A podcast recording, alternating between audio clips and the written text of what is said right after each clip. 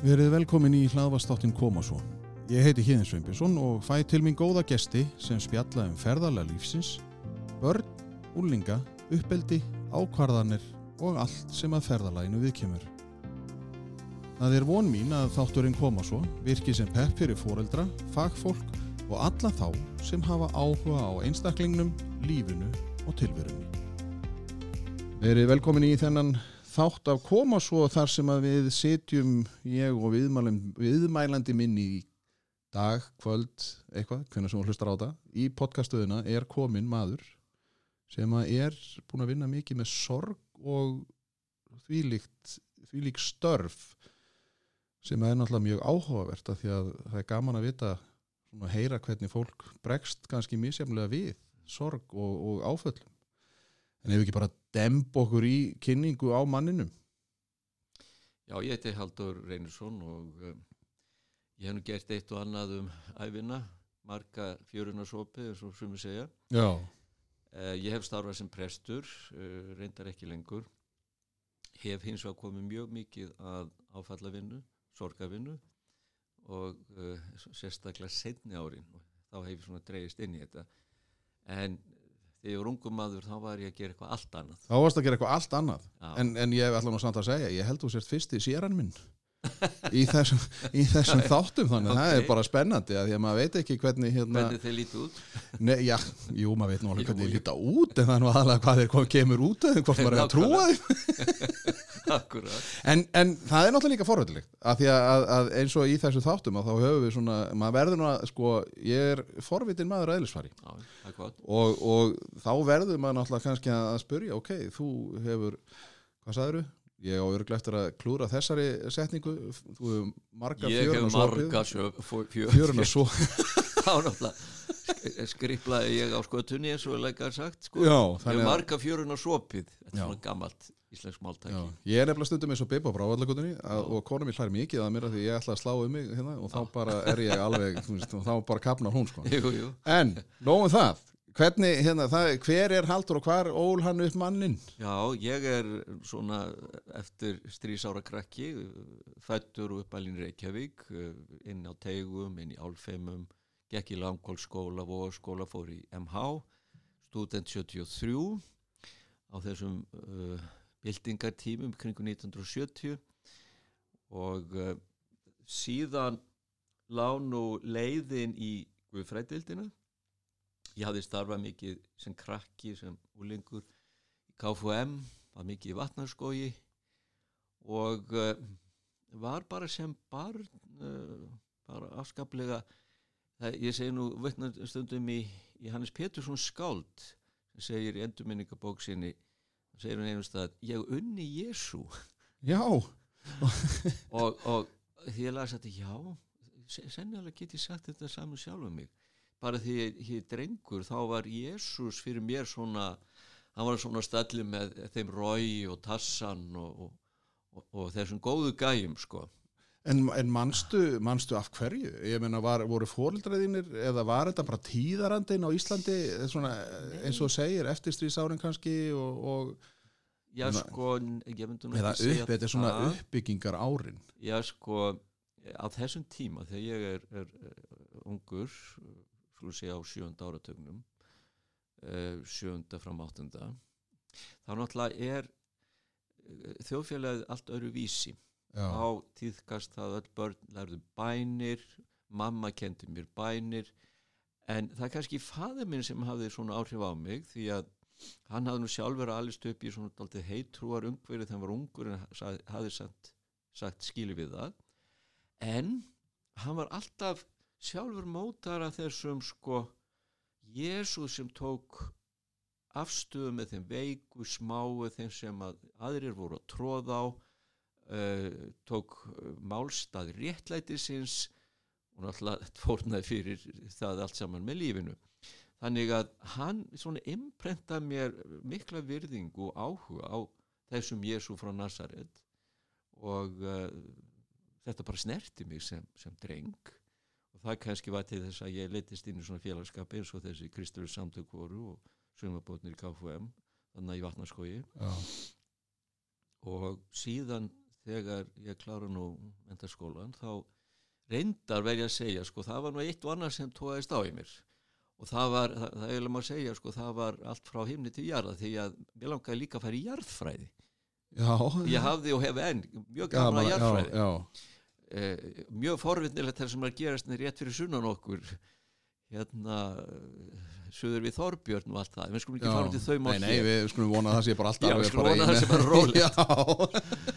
Já, já, já, nema hvað að, að það og guðfræðina því hann verið í þessu, þessu trúar bröldi mínu reyndar bókmenti líka já, þannig að, að svona hugurinn leitaði út og söður en það varð úr að ég fór í guðfræðeldina fyrst var ég nú ekki alveg viss hvort ég vildi nú fara en svo bara held ég maður að kafi þetta og hafði óbúslega gaman að því námi því að sko guðfræðin er raun og veru sko eins og maður, maður að les bara allar sög og menningu sem hefur mótað okkur í, í 2-3 þúsund ár og alltaf þessu ströyma sem hafa bara ákveða hvernig við röðum í, í skúfur, skúfurnar í heilanum okkur bein, Mm. en reyndar var það nú þannig að þegar ég var komin langt í nami þá allt í nú fannst mér þetta að vera orðin og mikil félagbyrjasturn og fekk eiginlega bara nóga þessu og, og var eiginlega svona mestöld í búin og þá skellti mér í blaðamennsku. Já, og, og var að vinna í nokkur ár sem blaðamaður á einsum fjölmiðlum. Uh, og nóg var af þeim? þá var mikið þá, þá, þá voru fjölmiðlarnir í, í sí, síðumúla, blaðsíðumúla var hann kallaður. Og ég byrjaði eins og flestir þá byrjaði á, á tímanu sem var þá málgagn framsóknarflokksins. Svo var ég ekki nóg mikill framsóknarmaður þannig að ég misti vinnuna og þá fekk ég vinn á vísi sem að var á þessum tíma í samkeppni við dagbladið, svo var það nú saminað, það er nú saga. Og þetta voru svona uh, uh, síðdeisblöð sem voru að keppast um aðtegli lesendana Mhm. og, og maður var hann allt í unni fann að fíla sig svona sem einhvern rannsóknar blaðamann og ég var í þessu í nokkur ár og var svo eitt sumar á, á RÚF réttstofunni ákveða svo að drífa mig í, í nám í fjölmjörn til bandarækjuna og uh, tók þar uh, fjölmjörnafræði, master í fjölmjörnafræði að því ég ætla mér að karjera sem blað og fréttam já, svona er nú lífi skrítið sko. Já, og, já. og einhvern maður rekst svona stundum eins og bara uh, laublæði vindi uh, úr, úr hérna einni átt yfir í aðra. Jæja, svo er ég nú langt komið þetta nám. Þá hérna hefur samband, samband við mig kona uh, sem var þá nýlega orðin fórseti landsins Vigdís Fimboðdóttir og bauð mér starf. Og ég gæti náttúrulega ekki sagt nei við því bráðungum maðurinn og allt í henni er, er ég svona strákur í gallabuxum og lopapeysu orðin veriðlega fórsetarittari og þarf að klæða mig upp í jakkafötnum með bindi og, og, svo, og svo við erum og var í þeim störfum í ykkur 6-7 ár. Og uh, ætlaði mér nú aldrei að lenda þar sko, þetta var nú bara svona eitthvað óvart sem gerðist eins og svo margt í eins og svo margt í lífinu, já. Og uh, þá fór það banka á dyrna hjá mér kannski ætti nú þrátt fyrir allt búin að vera á þessari svona á þeysi reyði gegnum lífið og svona á overdræfinu í öllu tilliti var komin fjölskyldu, komin börn og, og lífið svona á yfirsnúningi kannski var ég að vera pildið þreyttur á þessu. Og um leið fór að banka upp á hjá mér hvort ég ætti ekki bara að prófa að fara í preskap það hefði alltaf blunda ég hefði klárað námi náttúrulega á sín tíma og allt það. En þarna ykkurjum uh, tæpum áratug eftir ég kláraði guðræðina þá uh, ákvað ég að sækjum starf sem prestur. Það var hérna út í sveit e, hruna, rétt hjá flúðum. E, þetta kom svona í, í innan um og sama við leitóafundin, ég var að vinna við leitóafundin hérna þegar Reykján og Gorbatsjóf komu, já. Svo var ég stokkin út í sveit og allt í einu orðin bara sveitaprestur. Og það er bara svona ein, ein eins og þú segir, það er bara svona eftir vindátt. Já, nákvæmlega sko og hérna ég þurfti reyndar að fara í gegnum kostningar við vorum fjórir að sækjast eftir þessu og ég hafði þetta með naumundum að, að, að, að sigri þessum kostningum og, og þá var ég allt inn þarna stað fyrir að vera í einhverjum fínum veislum eða færðast með fórsetunum út og sögur þá verið dottinn hann upp í sveit orðin sveitaprestur og stóri jörð og enda kom hann einu sinni fyrir mig þarna fyrsta veturinn. Ég, man ég horfði út um gluggan hann var kvítt yfir öllu og, svona kaldranlegt eh, landslægi svona líkt eins og núna þess að janúardaga snjóri yfir. Eitt hrapt sem var hann upp á steini og þá spur ég mig hvað er ég eiginlega að gera hér? Í hverju er ég lendur Já. en eh, En Þú er nú ekki tekið hrafni sem eitthvað svona eitthvað boðbera í illra tíðin Nei, nei, nei, nei, alls ekki og, og hérna þetta var bara einhvern þetta er svona einhver mynd sem að maður á í huganum eins og Já. veist hvernig þetta er Já, og, já. og, og sem tengist á einhverju hugsunar tilfinningu bragði á nafn, nánast sko En mér finnst nú ein, það er eitt, eh, reynda tvenn sem ég ætla að, að, að ég heyri að þú bara, ég geti, ég ítti bara á play hjá þér sko, þegar þú byrjaði bara þegar maður er í prestkostningu þetta hef ég oft pælt í lappar þá bara inn á hvert heimili eða hvernig sko, manni finnst þetta eitthvað svo skrítið Þetta að, er að skrítið núna. prestar þurfi að Já, já. fara í kostningu hvað, Já. að- er þetta þá Sko- háð duttlungum sveitunganna eða, eða þeirra sem siti í sóknanemnd eða sko mér finnst þetta svo þegar þú segir þetta, þú, Já. þið voru fjórir það náttúrulega væntanlega ekki marga konur á þeim tíma.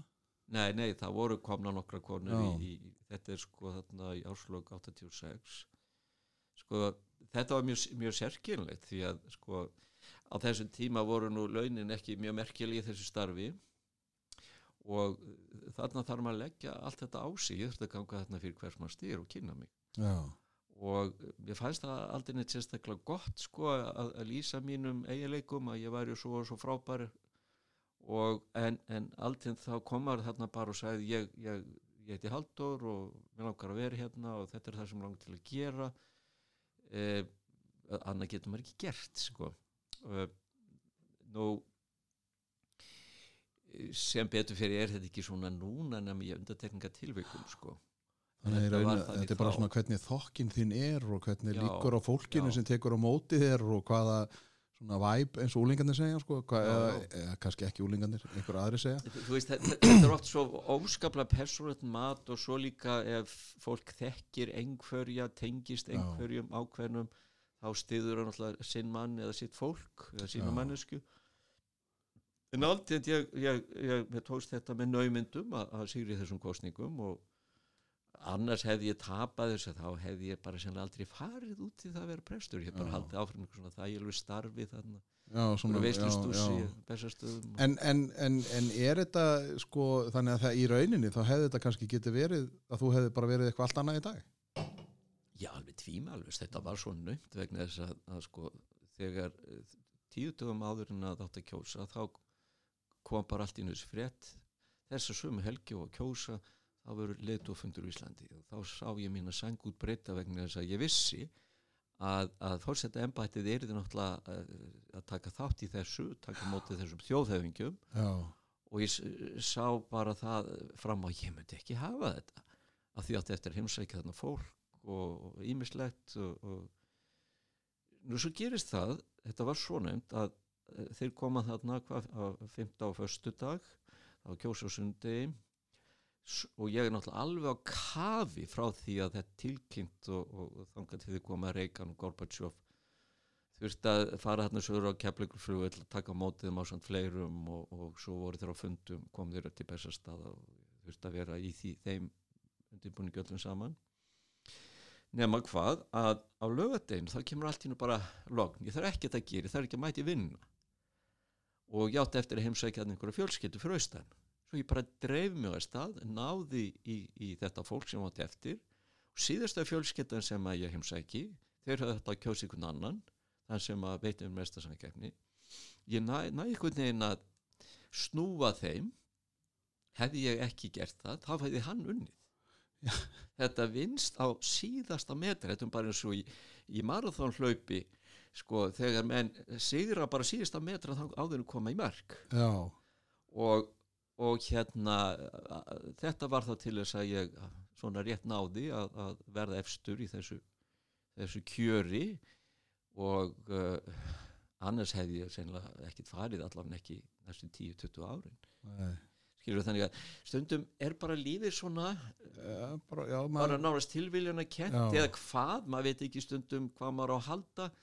Sem er segja, ég hef oft heyrt fólk tala um þetta, já ég er nú ekki trúaður. En ég var leitt hvað þýðir það? já, það er eins og menn sko, menn hafa ykkur hugmyndum það er eitthvað í, í alheiminum í universinu, aðri máttur eða hvað sem að svona kannski leiður mann áfram í einhverju uh, hvað maður tekur sér fyrir hendur eða að það er eitthvað sem opnast fyrir manni, ég meina þú þekkir þetta eflust sjálfur úr þínum störn og allt í einu er ég bara komið að og, og hérna með svona naumum hætti e, nú svo náttúrulega bara tekst ég á við þetta starf og, og læri reyndar mjög fljótlega. Ég var nú ekki mjög lísendur maður þá. Ég er hvað 34 ár eitthvað svolítið því byrjuð þessu. Að bara ári eftir þá lendi ég þarna í það að vera hræðileg slís og döðsföll og það er bara mín eld skýrt. Já, og uh, þá skynja maður sko hvað þetta hlutverk uh, það er nú ímjömsett sagt um, um presta en á þessum erfiðu stundum ef menn er að gera þetta rétt ef menn er að gera þetta vel ef þeir hafa kjarta á réttum stað og svona vita nokkuð neginn hvernig þeir að fara að þá er þetta ábúslega mi mikilvægt e, fyrir fólk að það sé einhver sem að fylgir í þessi erfiðstu spór og, og þannig að fljótlega þá lendi ég í þarna mjög erfiðum málu þarna austur í sveitum þar sem ég var, var, var, var, var prestur og, og það er svo sem ekkit, leinda mál þetta var náttúrulega bara atbyrður sem að sem, að, sem sem kom í fréttum að það fórust hjón í bílslis og hellisíðinni frá, frá fjórum börnum. Og ég þurfti að ganga þessi skref og tilkynna já, þeim börnum sem voru heima við hvað hefur gerst. Þannig að sko, þetta, er, þetta er erfiðasta andartak í lífið minu held ég. Þegar ég er að aga þarna til þess að fara til þessara sískina og hvað á ég að segja, hvað á ég að gera? Maður er svo máttlaus maður er svo máttvana og finnur sig svo óviðbúin að takast á við svona og á þeim tíma, þessu tíma var ekki komin sama þekking reynsla þjálfun í svona erfiðri sálgæslu eins og við kallum þetta en svo er þó núna. Já. Mér langar samt að, að aðeins að, að svona, þetta verður náttúrulega megin þemað. Þetta, þessi lífsreynsla sko, eða svo Já. bara hvernig, þróa, hvernig það þróast. Mm Mér langar svo að vita því að Ragnar Þorstinsson sem var líka hérna í þáttunum hann var fyrirverandi hérna sviðstjóri hjá skóla frístusviði Reykjavíkuborgar já, og að ég held bara svipuðum aldrei og þú. Já, og úr sama hverfi. Og ég held að hann gekk í vogaskóla. Já, Var þetta líka þeim tíma sem að þú, þegar þú ferði gegnum skólan þinn, svona, því að þetta er svolítið, mér finnst þetta svolítið merkilegt, sko, að þurfturu, þá var náttúrulega raðað í, þú veist, þá voru bara tossabekkir. já, já. Hvernig upplifur þessi ár í skóla og svo ert úli, sko, mér finnst líka áhugavert að heyra að þegar þú stendur þarna þá með þessi börn og veist, svona, ert alveg örglega á miljón að reyna að hugsa hvað get ég sagt, hvað á ég að gera að einhver staðar þarf að sko hefuru í gegnum tíðina kannski sko fengið eitthvað svona eitthvað í bakpokan sem þú vart með á bakinu veist, meina, eins og þetta með sko ég meina lendur í góðum bekk eða þú veist hvernig svona ef þú horfið tilbaka í skólagönguna þína. Mhm. Já, ég sko, ég var nú, byrjaði nú í skólakefnu þegar það var A, B, C, D ég byrjaði í já, já, en endaði í þeim besta. Nú já, já, þannig að þú vannst þig upp sem var líka, Já, já. það var líka merkilegt það var, það var hægt. Já, og var í þar í mjög góðum bekk, það voru góði kennari í öllum þessum bekkjum. En sá kennari hann kendi okkur margt um lífið og tilveruna já, þetta er ykkur Stefánsson og en hann kendi okkur ekkert varðandi sorgina ég man alltaf eftir því þetta er afi Eiríks Haugssonar hérna söngvar, það var afa hans. Já, og uh, þegar við, við erum hann 10-11 ára gömul þá deyr Haugur sonur hans faðir Eiríks söngara mm.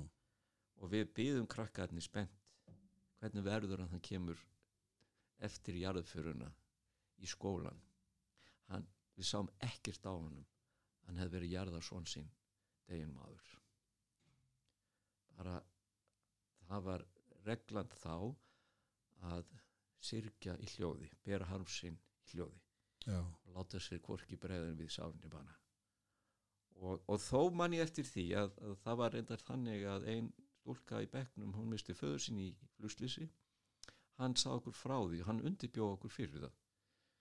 Þannig að maður kynntist sko sorginni sorg sérstaklega dauða sem er þetta erfiðasta sorgin því að hún, dauðin er svo óafturkræfur manneskinn sem deyr hún kemur ekki tilbaka. Þetta er svona það sem að ég fekk já, á þessum árum sko.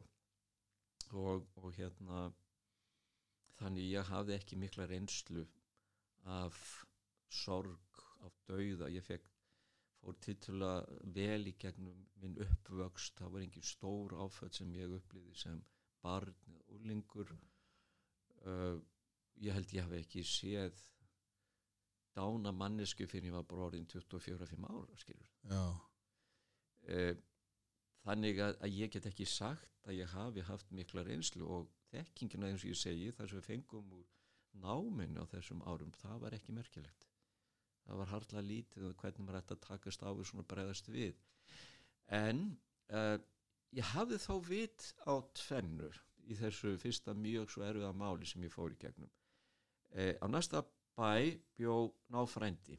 Ég fór fyrst og talaði hann og sagði hann hvað hefur gerst og fekk hann með mér. Ég hefði aldrei meika þetta einn Já. og ég hefði ekki vita almennilega hvað ég var að gera.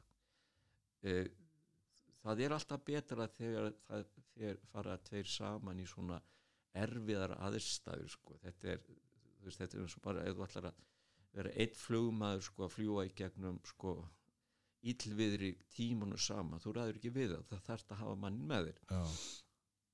Eh, annað sem að var mér líka til láns og ég hefði þó sem betur fyrir vita á að leita mér aðstóðar hjá mönnum sem höfðu mér reynslu en ég og þar var eh, maður sem hafði, hafði nýlega komið frá framhansnámi í bandaríkjum Sigfinnur Þorleifsson sem að starfaði mjög lengi sem sjúkurhausprestu var alveg brautirend í sambandi við svona sorgar áfallavinnu ég leitaði til hans og ba bara baðum um að að, að leiðbina mér í gegnum þetta og segja mér hvernig væri best að gera þetta og ég rætti við hann fekk hann svo setna til þess að koma og, og hitta bara samfélagið þegar, þegar svona gerist í tiltalið illu samfélagi eins og er náttúrulega víðt á landi þekkjum þetta frá snjóflóðunum og öllum stöðum sem að upplifa svona erfið áföll þá er það allt samfélagi sem syrgir en það er líka óbúslu stuðningur í samfélaginu gagvart og fyrir þá sem hafa mist mm. þannig að, að sko ég er þarna afskaplega blöytur á bakvið eirun bara reynd út sagt veit lítið og hef litla reynslu sjálfur. Já. En segðu mér svona að því að við erum að tala um þessa reynslu og að því að nú var ég til dæmis að vinna með stúlku sem að, að hún var, já, yngri en ég og, og hún hafði verið í á, námi á Ítalju eða í ykkur svona skiptinámi eða kynntist sinst hollenski stelpu Já, sem að svo þær bara góðu vin, vin, vinskapi myndaðist á milli þeirra og þær voru alltaf í samskiptum og svona og svo deyr stelpan sinst í Hollandi. Og hún bara fer bara daginn eftir bara og ætlar að, að vera við stödd jarðaförina og svo segir hún við fóreldrarna fóreldrar hollensku stelpunar ég leiðilt ég get ekki kvart hana. Og þau segja, jú, jú, þú getur alveg gert það. Og hún alveg, ha, þá hún er bara uppi. Þá sko var hún bara í herbyggi uppi og við erum að tala um sko þetta er 2004-05 sko. Að, að sko og það sem mér fannst svo sko ég, ég vil bara segja fallegt. Já. það var að þau gátu farið upp og bara tala við stelpuna. Já þannig að, að hún var sem sagt bara látin Já, hún var bara, bara heima og Heima, svo var eins bara og- eitthvað svona kæli, kæli Já, eða þú veist, já, ég veit ekki hvernig já. þetta virkaði. Og svo var jarðaförin bara þannig, það var bara flenni stórvist mynd af henni sko, svona eins og bara svona einhver bara mynd, svo var bara teknotónlist sem var uppáðast tónlistin hennar og það voru allir að koma upp og segja bara gleðisögur og svona. Sko, og ég var alveg, akkur er þetta ekki svona hérna? ég meina þetta er oft bara hefðir, venjur einhvern veginn skapast þær. Uh, er eitthvað rætt, þú veist, eins og í náminu þínu veist, ég meina, fó- fóruð eitthvað svona þú veist, eða var það bara ekkert, voru við bara Íslendingar, við erum bara svona og við erum bara svona svona, svona sem í köld kannski? Sko, eða er þetta eins og þú segir tíðarandinn, þetta er að breytast sjá, það, það hefur svo margt gerst á Íslandi síðan ég var í þessu námi sko. þetta er Já. á, á byrjun 8. áratugurins þá er Ísland miklu hefðbundnara heldur en það er núna já, og allir svona hlutir eins og jarðafarir, allt sem snertir síði venjur, þetta sem gerist á æfiháttíðum, það var í mjög föstum skorðum. já, E, nú er bara allt önnur, nú er öldin önnur bóstalega já. Og það eru fleiri sjónami nú orðið um það að uh, það þurfa að hlusta á þarfir, ættingja, vina og óskir, við skulum segja eins og sambandi við, við dauða og útfæri og svo liðis og óskir þeirra sem að e, eru dánir og verið þeirra kveðja. Og það er orðið það er, hefur orðið heilmikið þróun sem finnst auðvitað þessar hefðir verið ennþá taldið fastar í farinu hérna. Þetta og allt eftir að breytast.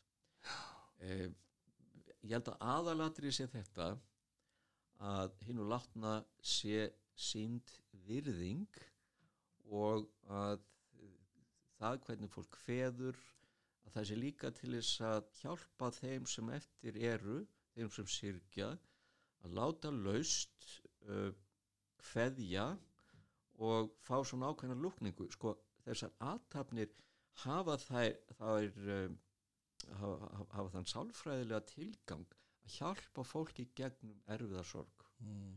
þú kemur þarna, þú kveður þú, það getur verið heimahúsi það getur verið þetta sem kallaði kisturlagning þá færðu, færðu tækifæri til þess að kveðja auglítið til auglítis hinlatna og færða að, að láta laust, gráta eða hvernig svo vilt kveðja.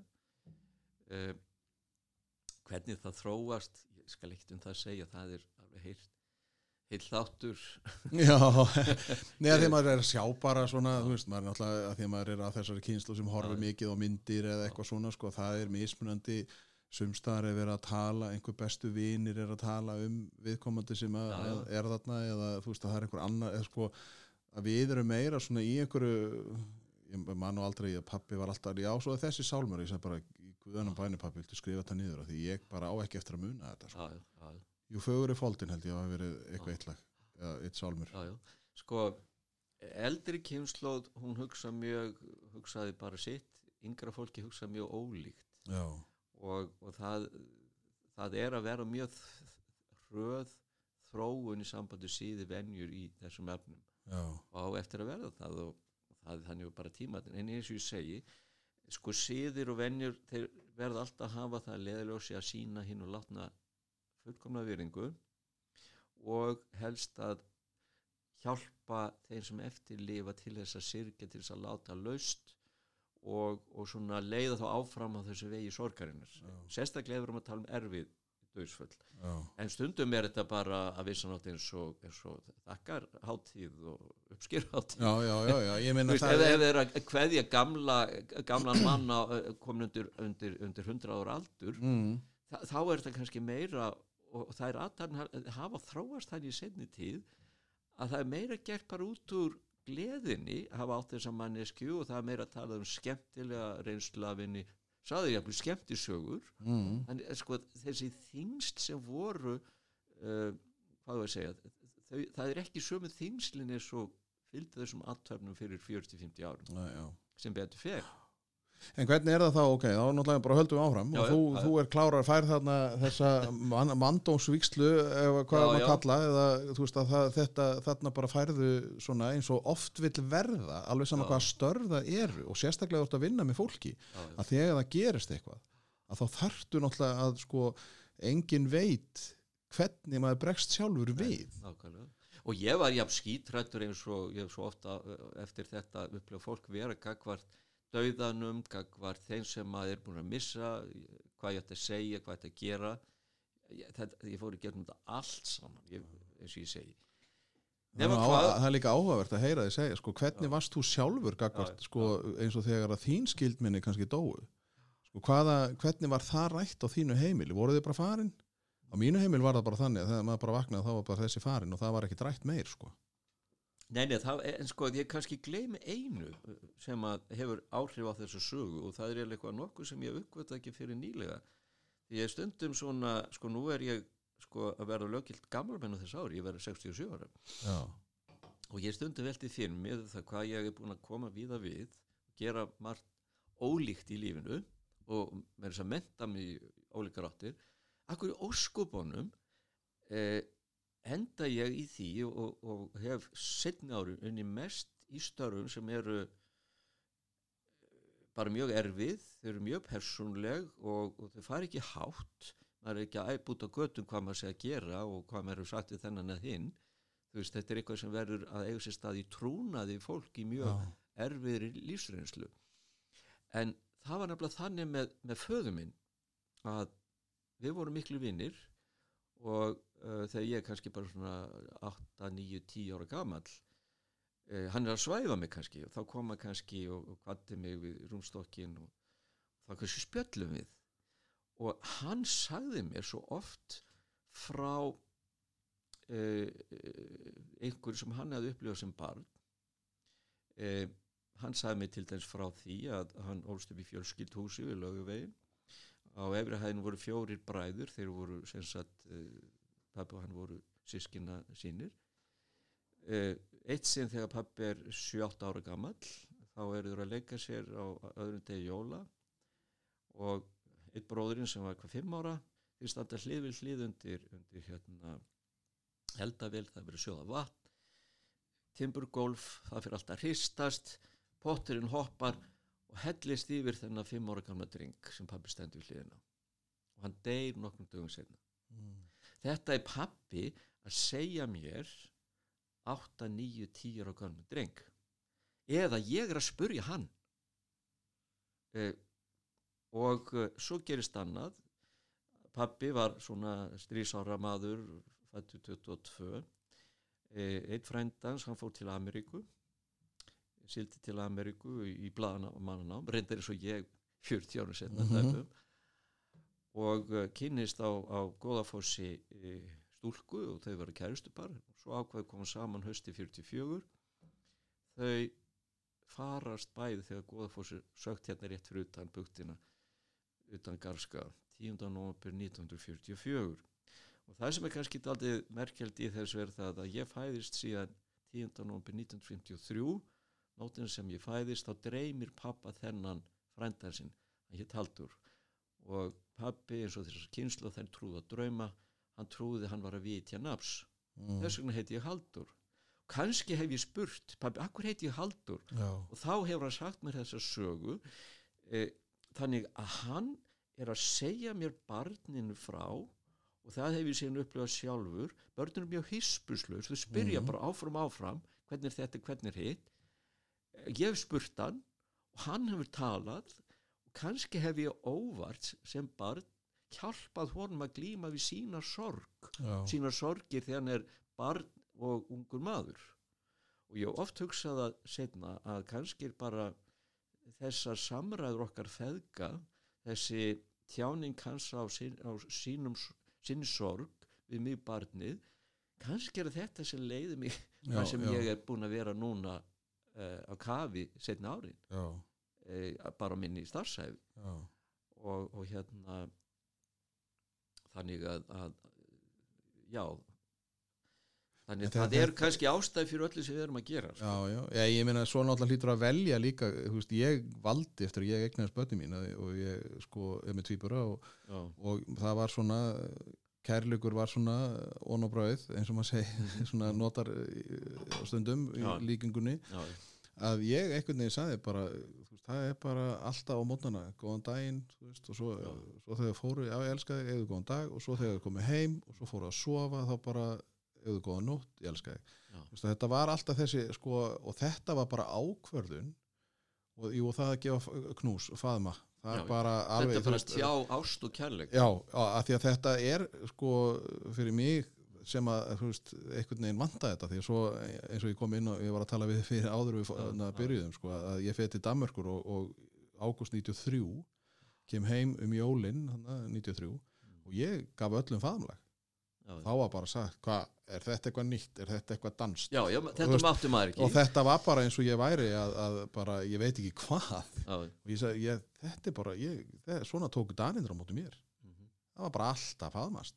Já, en þá voru við bara einhvern veginn svona einhver, einhver fjallag, svona já það sko, einhver hræðsla gamla Ísland sko, það sérstaklega á 20 stöldinni, það mátti ekki tala um dögðan Æ, það Eh, hann var svoleiðis. lokaður inn á, inn á, inn á spítala sko, 20. öldin var annað heldur en kannski 19. öldin og þar áður á Íslandi þá dóu allir heima fólk Já. f- fæddist og dó bara heima á bæjónum e, döðin var, var alltaf nálagur uh, en það má, má ekki heldur gleyma því í gamleisleska samfélaginu þá spilaði trúin mjög stóra rullu.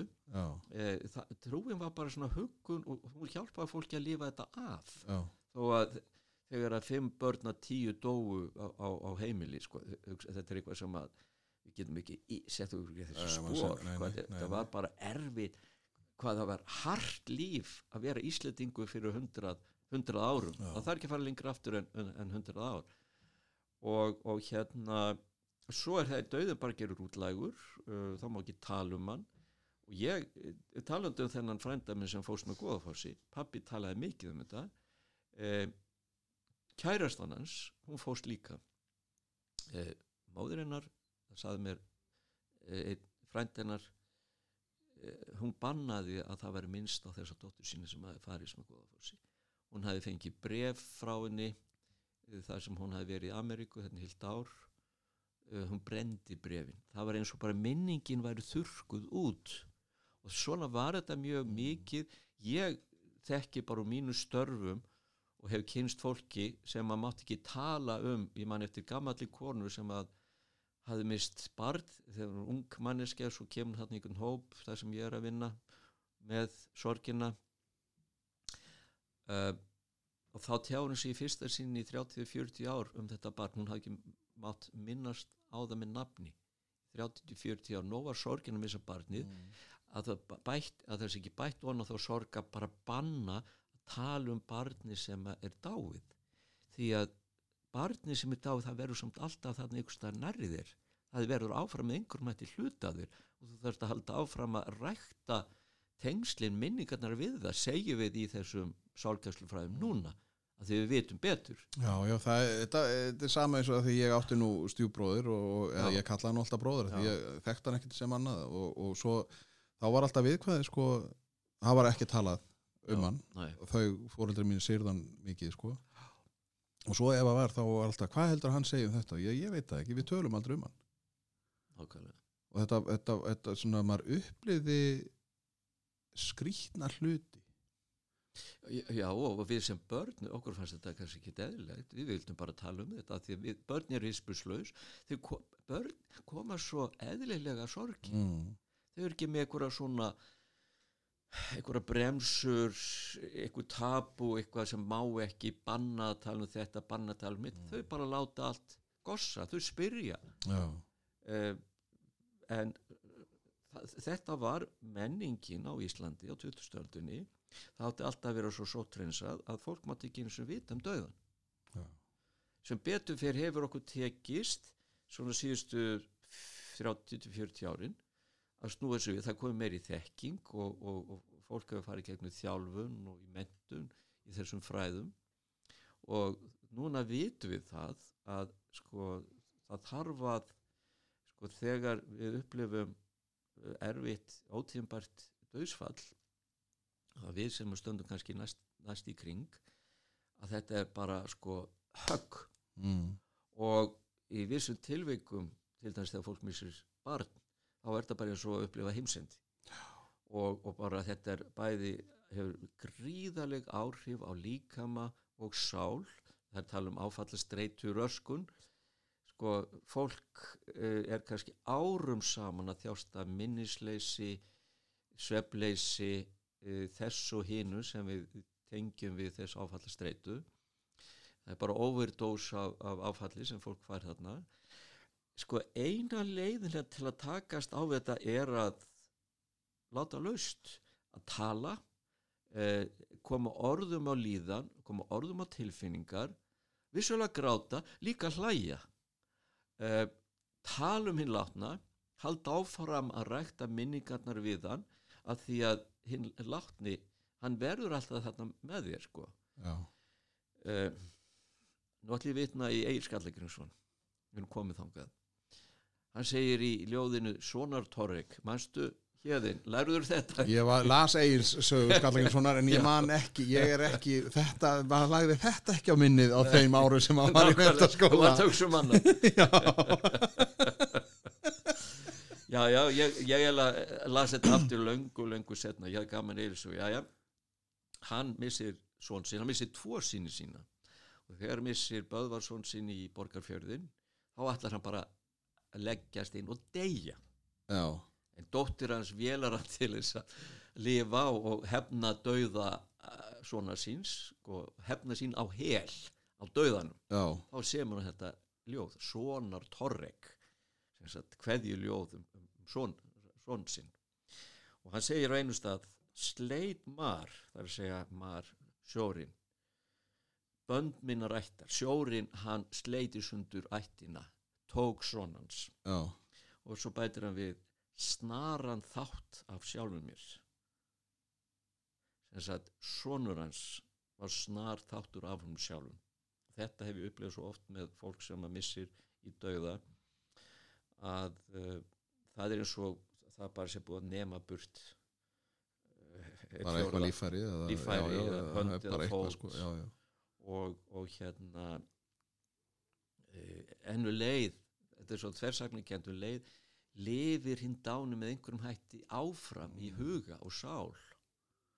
Og, og hérna það sem við vitum núna og þetta er náttúrulega bara byggt að fyrst og finnst á rannsóknum viðtölum á, á reynslu þeirra sem hafa unnið í kringum sorg og sorgaviðbröð þá vitum við það að sko, það þarf að hjálpa fólki að næra áfram þessar minningar halda minningun á lofti tala, nefna manneskjörn með nafni eh, segja sögur segja fallega sögur hlæja, gráta og uh, tala umfram allt. Tala, koma orðum á líðan tilfinningar. Ef ég reyður segja það þá. Mm. jafnvel líka tala um, um tilfinningar sem eru ná- nánast alveg tabu talandi um þetta sko að stundum þegar fólk deyr eftir langa sjúkdómslegu þá upplifir fólk að það er bara það er léttir. En það er tabu að segja að missa einhvern veginn fjölskyld missa makaðinn eftir kannski langt erfitt döðastrið og, og þú upplifir létti. Fólk segir þetta og, og bara þjást af, af. Já, en þetta, þetta er raunur mjög eðli tilfinning því að þetta tekur ótrúlega mikið á að sjá ástvindin eða þann sem þú elskar veslast upp og kannski deyja á einhverjum mánum eða vikum eða hvað það já, er, kveljast kannski kveljast. og þú óskar þess að þessu, þessu ljúki. Mm. þannig að, að tilfinningin léttir er bara ein af þessum eðlilegu tilfinning sem við kallum sorg. Og allar tilfinningar eru eðlilega tilfinningar eru bara eins og eins og mælitækin í bílnum þínum sko, ef þú sér allt í henni hittamælin fara að rísa hérna upp. Mm. þá veistu að það er eitthvað voðalega vant að gerast og Já. þú gerir eitthvað í málinu. Eh, tilfinningin reyði eh, þú þarft að gera eitthvað og þú þarft að láta reyðina í ljós á þess að brjóta allt og bramla en þú þarft einhvern veginn að losna undan valdennar já, og, og vinna þess vegna er það sem ég verið að gera setni árin. Ég, ég meina ég dregst inn í þetta með einhverjum hætti. Það er bara að hjálpa fólki að láta laust hjálpa fólki að uh, vinna sér gegnum eitthvað. Uh, oft finnst mér svona líkingin eiga við að það er eins og fólk sem statt inn í litlu dimmu herbergi. Uh, og það er þungt loft þarna inni og það er glukkatjöld fyrir. En þú veist að þarna fyrir utan rúðuna það er byrta, það er sól, það er sumar það er líf, það er gleði. Þú þarft að brjóta rúðun til að komast út og það er Mm. En þú gerir það ekki öðruvísi. Maður þarf að brjótast eins og í gegnum þessar erfiðu tilfinningarsorgarinnar og það gerir maður með því að tala, gráta uh, hlæja minnast minnast hins látna uh, temja sér eitthvað sem hjálpa manni til þess að takast á við sorgina. Uh, ég er oft með erindi fyrirlestur um þetta og fer þá svona tanti kerfisbundið í gegnum það ég þekki líka allt og margar sem eru, eru enþá fangar þessara erfiðuru og unnu tilfinninga. Ja. það er ekki gott, það er eins og annar döði þannig að, að, að en, en er það þá ekki að, að sko, ég ímynda mér að það sést bara veist, eins og sért að halda í eitthvað. Þú, þú veist, það er eins og að ef að þú sleppir að þá hverfur þetta, þá hverfur viðkomandi. Í staðin fyrir að fagna eins og varst að segja á þann að það eru alltaf fallegar sögur eða það já, er eitthvað já. sem er gott uh, nema þá að það hafi verið eitthvað óeðlilega uh, sko í gangi. Meina, já, þú veist, oft er það náttúrulega fólk sem drakk á þessum tíma og það var náttúrulega aldrei rætt sko. Það getur verið erfið sorg það getur verið erfið sorg en ég meina samt sem áður veist, eins og fyrir okkur, meina þetta eru fóreldrar okkar. Og það, þá, veist, og, og það er nú oft þannig í dag að börn eru alltaf með alveg sama hvað fóreldrarnir gera þau elsk alltaf fóreldra sína Já.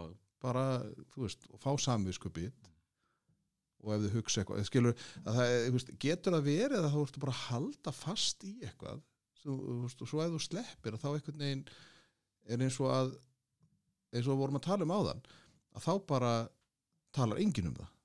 Þá er bara viðkomandi bara þurkaður í burt. Já. Ef ég skilði skilði rétt sko, þá, þá held ég að það þannig að um, sko ef maður hefur mistið eitthvað sem maður elskaði mikið sko mm. uh, sorgin er bara kemur í réttu hlut allir við ástina. Ja. meira sem þú elskar þegar meina, meira sirgjur þann sem að þú elskar og er kannski dáin uh, og við elskum sem ekki þess mikið þessu börnun okkar. Nei, og þess vegna því að mikið unni með fóröld sem er spöld að þá er það bara eitthvað þá held ég þess að versta sem að hægt er að lenda í sem menneski Ég held að það, þú veist, maður veit það náttúrulega sem foreldri já, að já. maður er bara, þú veist, maður horfir á krílinn sín og er bara, ég myndi fara yfir um. Nákvæmlega. Sko, þessi sorgavinna sem ég er að tala um og því er ekki það að maður sé að gleyma hinnum látt, akkurat ekki. Þess vegna tala ég um það við þurfum að halda áfram að lifa með að rækta tengsli með látna. Sko, sorgin hefðið verður með manni alla daga lísmanns já. og en maður þarf að læra að lifa við hana maður þarf að eins og staðsetuna rétt í hjartanu eins og ákveðt mannur skáraði þetta ykkur tíman og uh, maður þarf að vinna svo út úr þessum erfið tilfinningum uh, margi til dæmis kallar, þeir eru mjög reyðir uh, það þarf að vinna með þá tilfinningu losnundanið, þegar hún heldur fólki í heljar greipum þessara sorgar sko. Þú, þú vil komast út úr þessu, þessu, þessu óbúslegu vanliðan á einhvern betri stað e, það þýðir ekki að þú sér þættur að sirkja en sorgin er bara komin í, á eðlans stað mm. í, í lífinu, ég man alltaf eftir því sem að einn maður sagði hann var að vitna í Shakespeare og hérna Life is a stage, lífið er eins og leiksvið. E, hann misti dóttur sín í sjálfsvíi og hann sagði fyrst eftir að ég mist hana þá var bara sorgin hún leg bara einleika þessu sviði lífsmins svo larði ég það í þessari úrvinnslu sorgarnar, vinnu með sorgina að e, smátt og smátt þá fjölgaði leikendunum á sviðinu. Og sorgin verður alltaf einna leikarum sviðsins, sem sagt sviðis er þá hans líf. En aftur komið þessi eðlilega lífsgleði e, fögnur þess að vera til og njóta alls þess góða sem lífi gefur Þetta, ósælart fór ég að hugsa um hérna því maður er nú búin að horfa á svona, eins og ég sagði, því maður er að horfa á okkur myndir og nú er ég mjög upptekinn af einu þætti sem er gerður í Kanada. Þetta er Murdoch Mysteries og þetta er svona, gerist um 1900 Já. og svona, veist, það er verið að einbra á sko, kostningar eftir hvenna og veist, það er svona Já. margt sem er í þessu. Og svo er mikil þessi mikil trú. Já og svo ef það gerist eitthvað eða þú veist það sem maður heyrir svona í gegnum tíðina það er einhvern veginn að, að, að fyrsta sem að, að kannski að því að þú ert, pre, þú veist, búin að vera prestur og þú ert búin að fara í þetta við get ímynda mér að ef að Guð er til, eða þú veist eins og vorum að tala, þetta æðra, þessi æðri máttur, að ef að eins og með börnin þú veist að þá er náttúrulega akkur tekur Guð barni mitt? Já, þú veist, og reyði gagvart þá þessum æðra mátti veist, að að veist, þetta er einhvern veginn sem að maður skilur ekki. Þannig að hvernig sko þetta hlýtur að vera erfitt fyrir þig vel lesin mannin, af því að þið prestar eru nú, eða veist, þeir sem eru búin að nema þessi fræði, ég þekki nú einn hann sér að Valgeir, sér að Svein Valgeirs í, í, í dóm, dómkirkjunni. já, ég, hann, ég held að hann hefur lesið nú bara alla bækur sem til eru í heimi, sko. Já, ok. En hann vann líka hann að viltu vinna miljón þannig að það er nú eitthvað, sko. Já, já. en, en skilur að, að, að, að hvernig, sko hvernig réttlætur trúin svona? Já, af því að maður vill ekki að, þú veist, ekki það að auðvitað er náttúrulega, það er eins og maður oft hugsar já, það er tími fyrir alla. Og það er alveg hlýtur að vera ástæða fyrir því að fólk fellur frá hvena sem það gerir það og maður svona, þú veist, ef að, að, að badd kemur í heiminn og það kannski er í fimm ár þú veist, hvað, þú veist, getur við að vera hvað var það að kenna þér? það var nú ein, einhver bókin sem ég las þú veist, hvað, hvað er viðkomandi að kenna þér? Hvað þurftur að læra af þessari reynslu? Þetta er hart að segja þetta. Eh, ég, svona, ímyndum, ég veit það ekki. Þú veist að, að, að ef að þú horfir á það þannig. Sko þetta er, þetta er ævafórt spurning. Já, Geði. Eh, það er til bók í þessu safni sem við kallum biblíu. Þetta er bara safn ólíkra bóka um ólík mál sem heitir Jóbsbók er í þessu sem við kallum gamla testamentið.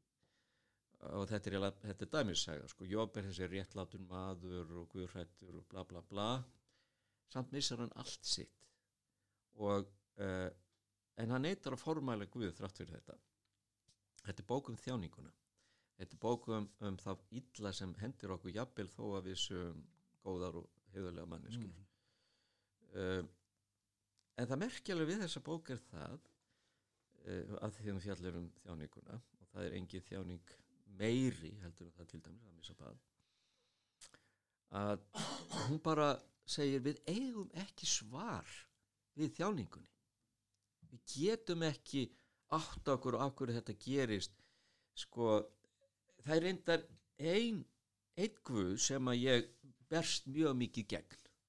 Er mjög mikið alveg hósta mín megin. Já, já, ég bara þetta gerist yðurlega svona stundu já, já, það er bara, við, hóstum allir einhvern tíma. Já, sko uh, það, það hérna þetta bara gerist það er ekki tilneitt svar við þjáningunni ég man eftir í las einu sinni bók eftir bandarækjaman, hann var nú gýðingur rabbíni, svona eins og prestur eða kennari. Og hún heitir sko Why do bad things happen to good people? Akkur hendir gott fólk eitthvað vond og hann getur ekki svarað þessu en sko svarið eða, eða svarið sem að eina svarið sem kristnin á í þessu er náttúrulega bara persóna Jésu frá Nazaret og meina, hann endar á krossi sko, akkur er honum ekki líft e, og hérna já, ég ætla að tala um þennan Guð sem ég er svo mikið á móti.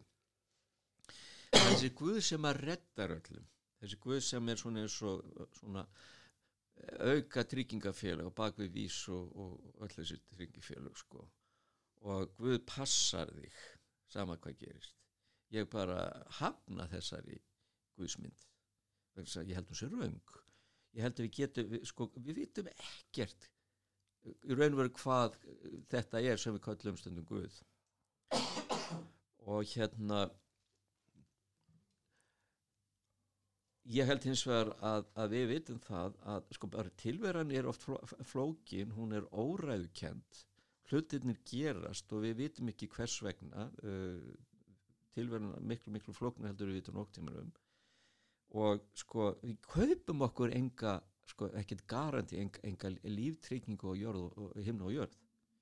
Og það, það er þessi guðshugmynd sem ég er mjög mikið á móti þegar fólk boðar svona eitthvað guð.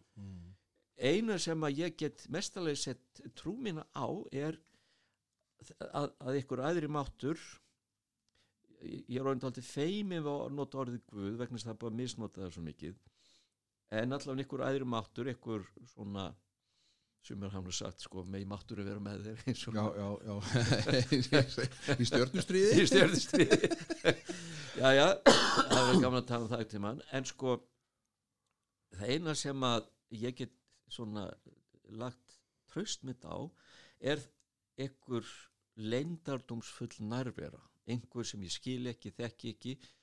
Eitthvað, það er eitthvað svona sem ég skinja mm. og, og, og get eiginlega ekki orðað það mikið betur en það. Og það eina sem að ég treysti mig til að segja þessu er að allavega hvað mjög snertir og, og allavega marg aðra að þegar við lendum í svona erfiðri lífsreynslu uh, ef við eigum ykkur að trú á svona æri mátt þá er það alltaf bara ótrúlega mikill styrkur. Og ég, ég, ég hef bara séð það. Mm. sko, af hverju, af hverju trú? Við skulum bara aðeins tala um trú hérna. Eða því að tala um dauðan og að því að ég er búin að vera í þessum trúarbransa sko, sko við með ekki glemma því að trúar þörfin er upprúna bara hluti af þörfin að lifa af survival instinct. Og, og trúin er bara eitthvað sem gríp, fólk grípur til þegar sko lifið verður bara svo erfitt og andsnúið í að uh, það verður það, það bara, það þarf það, það, það grípur sko bara það, það tegir sig upp úr djúpinu úr djúpinu ákalla ég þig til þess að bjargast. Þa, það er einhver svona trú sem að hjálpa þessum þessari móður sem á tíu börnum misti fimm í gröfina að lifa af. Og það, það er það það er kannski þessi vitund um einhverja nærveru hún tekur ekki frári erfileikan en hún gengur með þér, hún þjáist með þér. Það er mjög stert til þess í kristninni eh, compassio, samlíðan segir Haldur Lagsnes, hann, þýðir þetta orð compassio sem samlíðan. Það er að líða og finna til djúft og sjálfun og sjálfu með annari mannesku og þetta er, óbúslega stert í kristninu, þetta gleymist þetta oft mennum alls konar hugmyndir með sjá bara kirkju, presta eitthvað svona bla bla bla. En þetta er kjarnin í þessu. En er samt ekki að því þú nefnir sko að, að hvað það er bóðað veist að það er ást og kærleikur og, og virðing eða veist svona fullt af já, já, alltaf bara orðum sem við notum. Já, yfir eitthvað, eitthvað gildi. Já, eitthvað gildi og það er verið að, þú svo er náttúrulega verið að vísa í kristnu gildin og svo framvegis, en ég meina, en er ekki bara ég er að bara að gera eitthvað en að hósta. Er ekki samt þetta að sko við sem foreldrar náttúrulega, byrjum þar við þurfum að kenna börnunum okkar að virða annað fólk Jú. og koma fram við annað fólk eins og við viljum að, að þau komi fram við okkur eða þú veist, þurfum við sko biblíun, eða skilur auðvitað Já. þetta, er svona leiðarvísir þetta er svona, þetta er svona guiding light kannski, eða þú veist að að, að, að þetta verður svo sko á einhverju tímapunkti þá ákvað ég að lesa ég ætlaði nú að lesa hérna held í nýja testamentið mm. ég gafst nú upp, þetta var svo smátt letur þetta var svo lítið bók en hérna, sko, þú veist að, jú, þetta eru sko spennandi sögur já, já. og maður svona, jú, jú, maður velti fyrir sér þú veist, hvað myndi maður gera og svona, þú veist, að, að og maður verður oft hugsið til þess þegar að fólk er að segja frá svona góðum sögum úr búðinni að það er einhver sem getur ekki borgað og þá kemur einhver annar og borgar þú veist, að maður svona, sko, náungakærleikurinn já, já. Veist, er þetta guðsvilji eða er þetta, þú veist, skilur það er svo margt í þessu sem að maður er að pæla í náttúrulega í dag, þú veist, Já. ég þegar að við náttúrulega fórum í það að við þurftum að fara að ferma eða þess að koma að því Mhm. og við rættum þetta mikið og þá saði stelpan, dóttir mín já, akkur er bara einn maður búin að ganga vatni og ég bara, já það, en ég meina hún- þá, svo sagði við bara við, þetta er kannski verkefni þitt að finna út, sko þú verður náttúrulega bara sjálfa að finna út úr þessu já, já. Af því að þetta er náttúrulega líka svona akkur Já. er bara einn maður búin að ganga á vatni sko, já, me- við, en ekki það, við, Já, já, já. það er náttúrulega efni í annan þátt já, já, og, og það er náttúrulega sko það, það er mjög stórt mál hvernig við varum að skoða þannig gamla arf uh, þessa, þessi trú til þess að kristnina og þannig að við vitum það eins og sögur þarna eru það svona kalla mítiskar eða mítur mm. sköpunarsagan er bara einhver takksaga sagan um Nóa er líka svona einhver takksaga ég hef aldrei að, aðhyrst einhvers konar bóstafs uh, trúenda held ég hún sem bara mjög raung mm. uh, það sem skiptir okkur mestu mál í þessu sko, er svo kannski kristnin sem náttúrulega leggur hugur ásla á Jésús frá Nazaret þá er þetta fyrir svona saga þarna manns og, og einhverja jú dæmissögur og, og síðan hans æfi, hann fæðist og hann deyr, sillilegan hátt og svo trúa sumir því að hann bara komið aftur til lífsins. Aðalatri í þessu þessari sögu er áherslan á ástina og kærleikan Mm. og að gera hefur góða. Sko, sko stjórnarskrá Jésu frá Nazaret er sælir eru sirkjendur því þeir munu huggaður verða. Sælir eru fátækir í andið því þeir munu hvað sjá. Og svo áfram að standa með þeim veik og smáu standa með þeim sem sirkja þeir sem er órétti beittir eh, ég menna hann, hann deyr og hann missir lífsitt áherslan er alltaf á að gera hefur góða Mm. uh, elska sína kærleika uh, bregðast ekki við með vopnum uh, og það er til gömul bæn úr frum kristninni sem, sem einhvern veginn svona. Þar sem að er samúð, þar sem er ást þar er Guð skilur við, að nálgast frá þeirri hlið. Þar sem að þið góða verður til Mm. það sem er góða verður til í því þegar þú kissir barnið góða nótt og segir ég elska þig. Og, og, og góða nótt. Uh, þegar þú segir við barnið þitt bless, þú ert að blessa barnið þitt. Mm. uh, í þessari kærleikstjáningu ég trúi því að þessi máttur sé eitthvað starf þarna að verki eða hann, hann byrtist í þessu kannski er, það, er þetta bara þetta þessi andvörp, þessi, þessi orð þessi tjáning í verki ekki síst sem að þarna er þessi lindardóm meira bara get ég ekki sagt, meira veit ég ekki en það er náttúrulega líka eins og við, þú veist, við getum náttúrulega rætt þetta í, Já, í marga klukkutíma og við myndum ekki leysa það því ég er bara þannig líka að ég trúi að það er bara eitthvað sem leiðir Já. okkur. Ég meina það er ekkert, þú veist, ég vil bara ekki kalla það Guð e, út af einhverju, ég veit Já, ekki hvað það er sko. En, en aftur að þá sko að þú þá upplifir þarna fyrsta, eða þú veist, ári eftir að þú ert orðin, aftur, eða, orðin prestur. Já. hvað er það þá sko sem að sko er eitthvað þá þar sem að þú svona heyrðu, hér er einhver brotalum þú veist, er í starfi mínu ég lærði ekkert um þetta ég þarf að tala hérna við fjögur börn sem voru að missa foreldra sína. Sko, hvað er það sem að fær þig þá væntalega bara 30 og eitthvað ára gamla mann að, að sko að fara að í þessa leið? Ég minna það að vinna kannski alltaf í sorg það getur náttúrulega tekið heilmikið á. Það gerir það sko. Eh, ég oft hugsaði þetta sjálfur velt þessu fyrir mér, akkur, akkur, akkur dett ég inn í þetta? Já, og ég held ekki bara áfram ykkur káttilbóðum bestastöðum bara það er líf. Það er líf og gaman sko. Alltaf þetta átti léttur sko. Já, já. Bara rauðu kvítu já.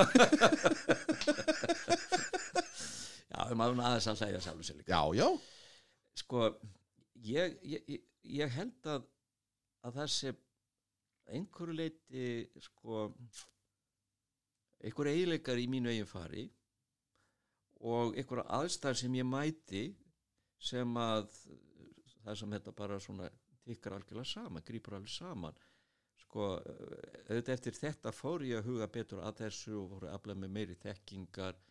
Ég fór að vinna með samtökum fyrstu samtökum sem stopnuðum sorgina eh, í dögun og kynntist þessu bæði því ég starfaði sem prestur og líka í þessum samtökum og þar sem ég var setna formaður og, og við vorum með mikla vinnu og mikið af svona hópum fyrir sirkjendur fór svo með þessi nám í þessum fræðum til Kanada. Sem sagt, maður er búin að vera að læra smátt og smátt en mest hef ég lært af fólkin sem ég hef unni með, Já. sirkjendum sjálfum. Eh, svo var það það var einhver tíman sko, til til að snemma þessu sko, vinnuferli mínum með, með sorgarúrvinnslunni að ég upplifði eh, ég, ég var svona í mikil, mi- miklum efa hvort ég ætti bara hægt að vinna hjá kirkjunni. Ég var svo hundleiður á þessu batteri og sko að bara svona fara til útlanda fara að vinna í Afríku, hjálpastarfið eitthvað. Kannski sko hlut til er þetta það að, að það er eitthvað píldi blæðandi hjarta hérna með, með fólki, ég finn til með fólki sem á erfi eh, en þá komu bara til til að skomu middelbil, þá komu þrjár manneskjur til mín á fund, ég var að vinna þá á biskustofu þar hefði alla mist börn. Einn, tveir í sjálfsvíi og sjúkdómum og einhverju. Sko þá allt í hennu bara uppgötta ég að þetta fólk það fær óbúslega lítinn stöðning uh, því miður bara kerfin hvort sem heitir kirkja eða hilbríðskerfi eða hvað allan á þessum árum, þetta var kannski fyrir 15-20 árum þetta fólk sem hafði upplifað einhvern hræðilegasta missi sem noktið með þetta hugsa sér eins og ég vorum að tala um það mm. það hafði bara engan stöðning það, það var bara í lausu lofti og það var bara ákall hvað getið ætlið þið ekki að gera eitthvað fyrir okkur og ég bara skammaðist mín mm. veist, við erum ekki þá var ég vinn í þessu kirkjubatteri við vorum bara ekki nóg, vinna vinna okkur nógu vel. Og við tókum hefur verið að taka sama við eins aðra og rætti þetta við fólk eins og heilbríðskerfnu og víðar sko setni árin hefur áherslega verið á við verðum að sinna þessum þessari þörf betur, við þurfum að sinna þeim sem missa, við þurfum að sinna fólki sem missir í sjálfsvígum uh, miklu, miklu betur heldur en hefur gert. Og, og hérna skilur við ég var stattur þarna á einhverjum tímapunkti að ég var hugsa um að hætta í svalgjörlega, fara bara að gera eitthvað allt annað búin að fá nóga þessu. Þá allt í hennu, þá bara dúkar þetta fólk upp. Og ég fann, ég gati ekki sko vikist undan þessari áskorun mm. um að hella mig bara í þetta. Og það var það sem ég gerði þannig ég síðustu svona 15 árin hef ég alveg verið að kafi þessum starfum e, þannig að það, það, það er eitthvað sem toga mann inn í þetta. Maður sko finnur að einhvern nátt sko maður finnur þörf hjá fólki maður svona maður, maður finnur fyrir þessari samlíðan eins og ég vitna nú aftur í Hattólandsnöðs mm. En svo er það kannski líka það að maður hefur einhverja tilfinningu fyrir því hvernig maður á að mæta fólki. Eh, við tölum um ymsa greindi, sumir hafa þá greind að geta skora sko fram mjög velli í, í, korfunni sko eh, kannski hefur maður þá greind að geta unni með fólki eh, varst þú ekki að segja mér þú sægir í einhverjum hópi hvernig þessi krakki hinn væri jú, jú. Og, og sko hvort að það var einhver svona hann kemur raun og frá alkoholiseruð heimili mm. kannski hef ég þetta innan með mér, kannski er það þetta alast upp þessu sögu föðum míns sem að gerði bæðaverkum ég, ég, ég fann til bara bústalega með fólki en líkuleg hafi ég ákvæmna færni og hæfileika sem ég þurfti vissulega að þroska og þróa til þess að, að, að vinna með fólki í þessum erfi aðstæðum með þessar erfið tilfinningar. Þannig sko það, það er ymsið þætti sem koma saman. Og þess vegna segja það að eins og ég voru vitnið þarna áðan sko, fólk segir ég trú ekki en mér finnst ég vera leittur mm. mér fannst ég vera leittur af einhverju einhverjum mm. mætti, aðra mætti hvað við köllum þetta að fara meir út í þessi störf af því að einhvern veginn þetta sko, og ég, er ekki síst þetta ég fann sko ég, ég oft efast um sjálfa mig, ég oft efast um þau störf sem ég unnið, ég gati ekki efast um að þetta væri störf sem hef, væri mikið svirðu hafði þýðingu að reyna að hjálpa fólki til að komast á betri stað mm. og upp úr þessum djúpa dimmadal þannig að það er eitthvað svona sem gerist í, í lífimanns sem er þá samblanda af sögu, personur reynslu sögu og kannski einhvers konar eigileikum í maður segið fari, maður segið sálarlifi og síðan í þeim aðstæðum sem maður lendir í. Þegar þetta kemur allt saman og, og útkoman verður um að fyrir ykkur ákveðna leið. Mm. og maður lendir og fer að vinna ákveðin störf. Einhvern veginn voru við með eitthvað, eitthvað fund svona, við verðum svona netverk stofnana reyfingar sem hafa komið að málefnum með sjálfsvík og hjálpa eftirlefundum vorum á fundi í Skálholti og við vorum, fólk var að segja það, alls konar fólk, hérna veru hjúknarfræðingar, læknar, sálfræðingar, félagsákjafar, prestar, bla bla bla. Og menn voru að lýsa, akkur er lent inn í þessu? Það voru svo margar ástæður margir svo ég ætla mér ekki til að fara að læra sálfræði. Ég ætla ekki að fara að vinna bara með þessi erfið mál sem eru sjálfsvík en, en það, það er ykkur svona þættir sambland af persónulegum þáttum samband af reynslu persónuleg reynslu sögum og síðan þörf sem bara æpir á þig, kallar á þig þú verður að gera eitthvað ef þú hefur hjarta að, að, að þetta fólk saði það var eitthvað sem gerðist. Mm. sko, við ætlum ekki sko, að fara út í eitthvað svona erfiðan bransa þar sem er dauði jafnvel djöfut sko, eins og þegar, þegar fíknefni kom inn í þetta. E, e, þannig að, að sko þetta er eina svari sem ég get gefið við sko. mm. En er, er hérna því að við erum náttúrulega búin að líka tala um að, að, að veist, í öllu þessu sem þú hefur verið að grúska í og, og allt þetta fólk sem þú hefur búin að hitta og svona er mikill munur á kynjónum sko að því þú, þú veist, við kallmennindir erum náttúrulega, þú veist, það er ekkert veist, ekki gráta, ekki þetta, ekki hitt og við um að standa okkur, við um að gera svona. Já. en svo er eitthvað einhvern veginn stelpunum alltaf að kenta það, það er alltaf þær gráti og svo framvegis. Já. það, er, það er munur, það er munur. ég, ég, meina, ég man eftir fyrsta, ég var 12 ára þegar að, að sýstir mömmu dó og ég sko greitt meira heldur en barnaböndin hennar.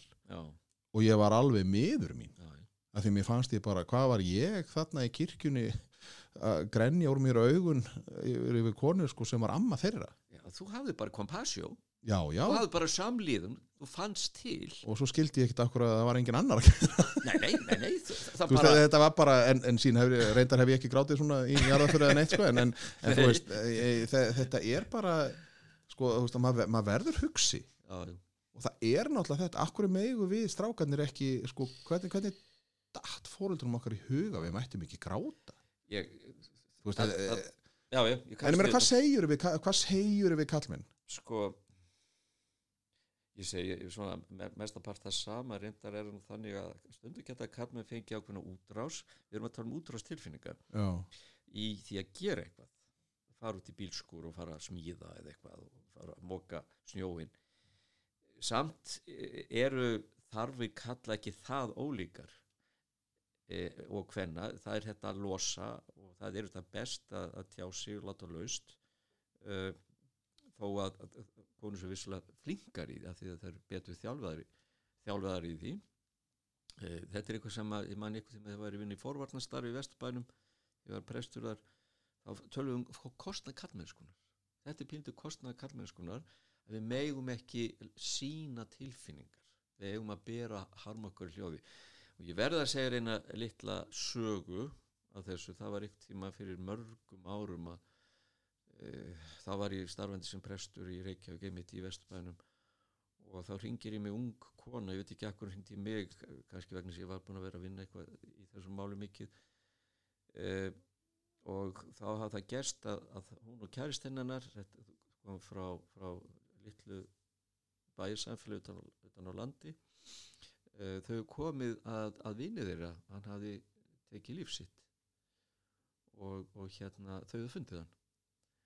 Og nú vildi hún koma aftur og þau vildi koma aftur svona til þess að kveðja hann hann í, í líkhúsin í fórsveginu báðum um að koma með sér fara í gegnum þess að erfið reynslu að sjá hann aftur. Jú, jú, svo, svo mælu okkur mót og, og ég mæti þarna og nema hvað hún kemur bara. Og ég spyr hvað er, er, er, er kærastæðin nei hann bara vildi þetta ekki, hann tristir ekki til þess að það er þannig heima sko. Ef strákunni líði illa þá fara þær bara út úr hraun og spóla á jefnunum sínum sko. já, það var þeirra sorgar úrvinnsla sko. Það kannu ekki góður líka að stýra sko. Og, og hérna þess vegna hefur það verið og, og ég verð að segja það, svona það hefur mjögast áfram að, og ég held að þú þekkir þetta úr þessum svona félagsmála bransa og allir þessu að, við þurfum líka að kenna drengjónum okkar að bara leifa sér verið tilfinningaverur. Því við Mhm. finnum jafn mikið til og konur. Og, og sko við það búið að halda okkur í þessari herþjónustu, þessari herkví sko árum og öldum saman. Uh, við þurfum bara að leifa okkur að finna til. Við þurfum að lefa okkur að gráta. Ég man eftir því í, í, í 25 ár það gæti ég ekki grátið ég var svo fastur í þessu kallmannsfari þó ég hefði haft stundu þörf fyrir það. Og, og hérna það er því sem verið að taka þetta aldrei frá okkur mennskunum með svona einhverjum fáralugum kallastælum ég er um sterkur hérna ég, það, ég sína nú ekki á mér ég, þú veist, einhver svona, einhver svona mm. bull það vellur heimska og bull út úr öllum vitum á svona kallmennsku þetta er eitru kallmennska sem við þurfum að losna við. Það er líka það, núna þá, þá, þá er þetta þetta er að taka drengin okkar og þeir þóra ekki að standa gegn einsu því sem að veldur þeim tjóni. E, það er kallmannlegt að vera með í hópnum og geta sko, þú veist, farið út ykkur bölvaða vitleysu. E, við þurfum bara að kenna þeim að standa með svona tilfinningum tala um sína tilfinningar, læra að þeirra tilfinningar verður ekkert síðan konur. Og, og hérna að því bara líf þeirra og heilsa getur verið að veði. Já. En hvernig er það afsakaðu, eh, hvernig er það núna? Því nú sá ég eins og við vorum að koma inn að nú er ég búin að tala við hana Byrnu um, um það að- missa foreldri uh, Byrnu Dröfn uh, og, og hérna ég sá hana og þá þig væntalega þó ég mun ekki eftir því.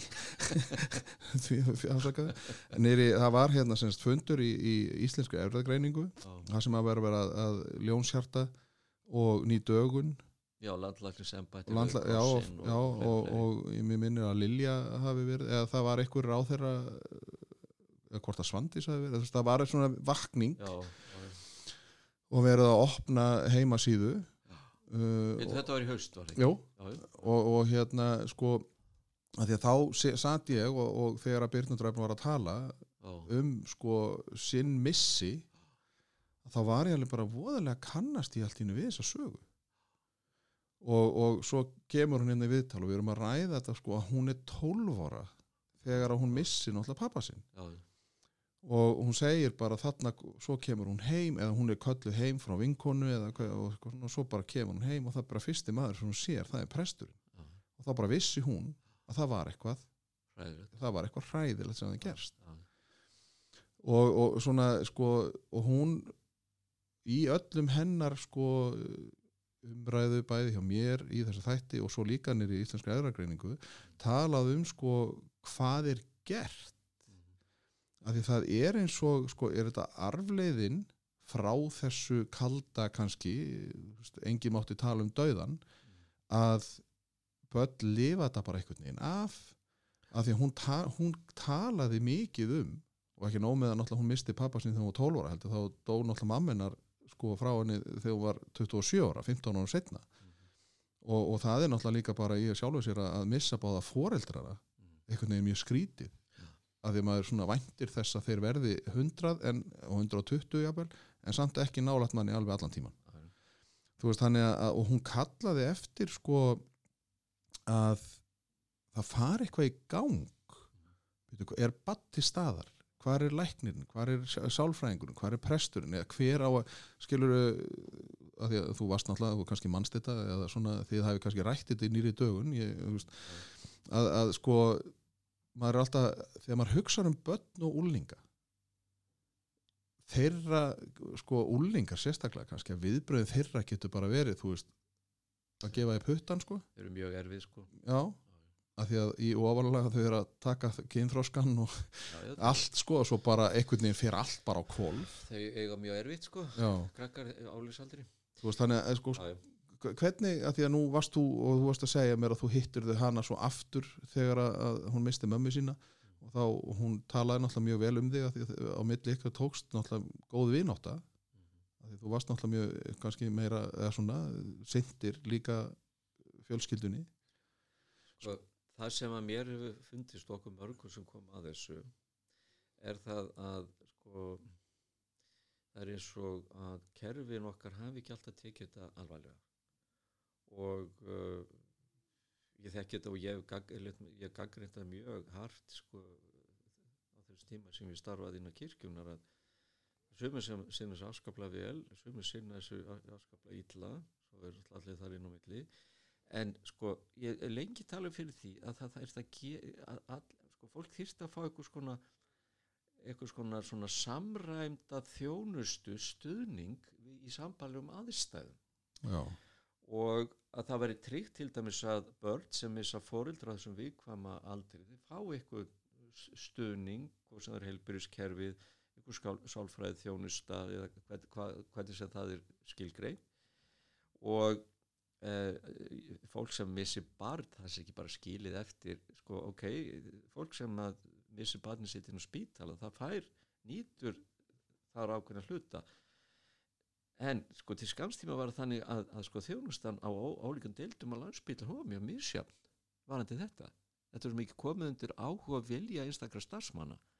Sko það sem að við sem að höfum sko haft og brunni fyrir þessu málefni talað um núna allengi er það, það þarf að samræma og þessar, þessar þetta þessar stofnanir, þjónustu, félug sem, að, eru svona í kringu þetta og eiga styðja fólk það þarf einhvern veginn að, að tengja sér betur saman og það þarf að veita fólki sambarilega sambarilegum stuðningi, sambarilegum aðstæðum og þá sérstaklega á ég við til dæmis eins og fóreldri sem missa batn eða börn uh, ungu fólki eða börni sem missa fóreldri eða sískinni eða hvað. Sko í þessum ótímabæru döðsfællum uh, sjálfsvíin öll uh, þegar ungt fólk er óviðdósa þetta er svo erfið mál og fólk er svo brotið og þetta ógnar svo mikið lífiðis og heilsu, líka líkanlega heilsu að sko þetta er bara stór heilbríðsvandi mm. og þetta er líka þetta er líka þá kannski daldið sko kennitak sko þess samfélag sem lifum í eh, viljum við rækta samfélag sem byggist á samlíðan? Að því ég er að tala með þetta orða aftur og aftur. Eh, og eh, sem að heldur utanum þá úr sínum hópi sem verða fyrir svona erfin skakkaföll og það eru þetta svo samfélagsgerð sem við viljum sjá. Þess vegna höfum við aðeins að banka á dyrnar hjá ráþærum og svona fólki og segja þetta er raunverulega vandi það á ekki bara að vera þannig að þegar þið sjálf endi þessu þá opnast auðvitað ykkur fyrir því. Já, já, Eh, ég man alltaf eftir hérna æ, hvað hérna hérna Ritstjóri þjóðulandskamni sem lamaðist. Hann var síðan, þegar hann kom í hjó, hjólastól þá var hann eldlegur sko baratumadur fyrir réttindum sko hreyfahamlara það er engin hlustað á þann málstað fyrir við viljum þetta ekki svona. Við viljum við sjáum þörfin við, það, það er að nákvæm hópur það verður búið að ræða það núna upp á síkasti hvað þetta er stór hópur barnar sem missir foreldri ótegum bært e, það er búið að vera að ræða núna um sko uh, uh, orlof andlátsorlof fyrir foreldri sem missa barn. Ég meina ég þekki svo kann svo margar sögur af því hvernig þetta fólk í vissum tilvíkum veit ég um fólk sem því þið var bara satt við vinnunni það var svo mikið til vandraða því það var, var, var í, í, í djúpri sorg. Þetta alltaf gengur ekki. Ef við viljum sko, ef við viljum að Íslands samfélag sé siðmentað eh, sé mótað af samúð það þurfa að veita þessu fólki sem verður fyrir svo þungu sifjum skakkaföllum eh, þann stöðning svona hjálpaði bara til að lifa þennan erfiða tíma kemur þú ekki aftur að þessu þú verður að vera eitthvað svona að þú átt bara taktu þig saman og, og reynda að hrista þetta af þér. Já, svolítið svona íslenska aðferðin Já, það hefur verið, en, en samt hef ég séð, ég man ég var ekkert tíma að spyrja, já, ég var með námskeið störu landi núna ekkert tíma fyrir jól og hjá fólki í helbyrðiskerfinu og um að tala um sko unga kallmenn og þetta starf fólk sagði, jú, því fæst vera munur á ungum kallmenn núna eða fyrir 20-30 árum. Mm. sko, ég var þarna á Östurlandi fyrir, á Östurlandi fyrir 30 og 30-40 árum verið þarna hræðileg mál. Það var hvert sko sjálfsvíða fætur öður, það var svona smitt ungir krakkar sem að tóku lífsitt, það smitaðist. Þetta var, var skelvilegt og það var, það var undirrindar daldi með það mál og ágætlega.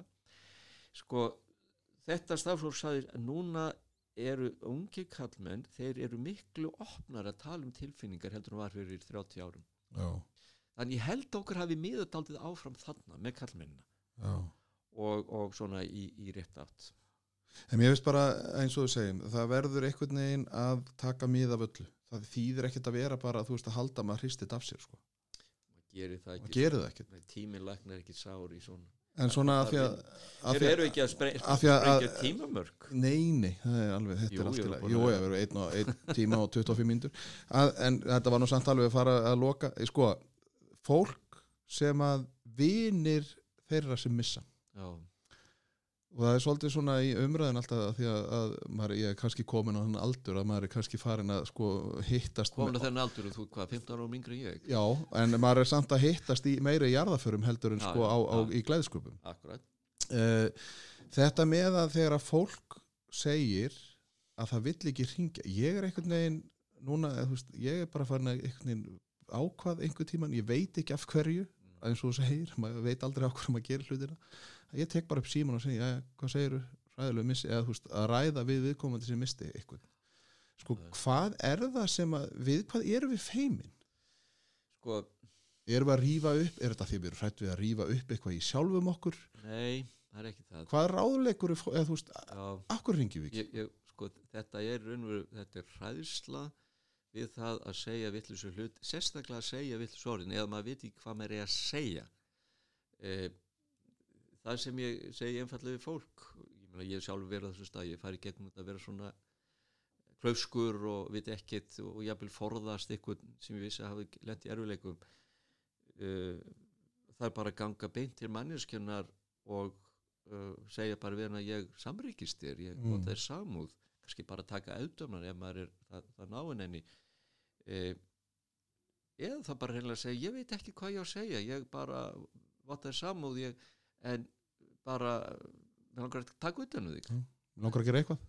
já, það þarf ekkert meira. Faðumlag er mjög gott. faðmlag er bara mjög gott og það þarf ekkert meira en það. Og bara helst að tala ekki sko það vill enginn sko er orðið fyrir erfið missi og hann er í, í kæliskápnum inn í bónus hann vill ekki fá ykkur sem að já hvernig gerðist þetta og bla bla bla halda Mm. svo áfram þarna sko uh, sirkjandi verður sjálfur fá ráði hvar og hvenar hann vill eiga þetta samtal við ykkur annan en það er bara að taka ut um faðmlag búið Já. að segja ég samryggist þér og svo bara búið nema mannskja vilja tala um þetta Mér finnst þetta vera, þetta er búið að vera gott samtal og maður lærir náttúrulega fullt bara að hlusta. maður Og- læri á og- sér hverju mannesku Já, sem maður mætir Og eins og ég sagði við áru, ég hef margótt sagt í þessu þáttum að ég er að gera þetta því ég er svo forvitin og ég er að svala forvitin minni og ég datt niður á því ég fór allir að hugsa um í allir þessu umræðum sjálfsvík. Fólki sem er eftir. Að ég fór að hlusta á, uh, þetta, reynda, þetta, þetta bandarist hlaðvarp sem heitir Life After Suicide. og mér fannst kona sem stjórnaði því gera það alveg bara óbúslega fallega og þetta voru sex þættir að mér minnir og maður svona sko að heyra hugsanir fólks af hverju og svona ég ráðleik fólki bara að, að svona hlusta. Ég reyndar hugsaði ég líka bara þetta er bara fínt bara upp á sorgina. Ekkit, auðvitað er þetta náttúrulega hræðilegt að- með sjálfsvíðin sko. en, en þarna bara datt ég nýra eitthvað sem að ég sko, mér finnst þetta rosalega góðir þættir. Þannig að en ég bara þakka þér fyrir að koma að þetta er hérna eins og þú segir maður, maður einhvern veginn það er bara einhver tekur í mann og, og svona leiðir mann áfram kannski. Og þetta er búið að vera sérstaklega áhugavert af því að maður er alltaf líka að pæla í trúnni af hverju, af hverju ekki eða hvernig sem þið er. Já, Þannig að- við tilurna já, já. og kannski verða það þannig að ég er nú lendi í því að, að ég er að fá nokkra aftur í viðtal þannig að kannski tala ég við aftur. Kannski verður Haldur 2.0 sjá til með það. Já, ég þakka að kærlega fyrir að koma og eða þessum tíma með mér og ég bara vona að, að þú haldi nú áfram af því að það er, það er nú ekki þar með. Þó þú sagðist vera komin á sjötusaldurinn þá ertu lítur ekki þannig út sko. þannig að það er, ég held að þetta sé náttúrulega líka hérna, tvö ár sín í hætti fótboltarn en ennþá að hlaupa. Þá er það Já, og þú veist að þú þarf, þarf, þarf að senda mér mynd sko, þér, þannig að til þess að fólk sjáu hverju þetta er. En ég bara aftur takk kærlega fyrir að koma og, og takk fyrir að, að deila þinni lífsreyslu með mér.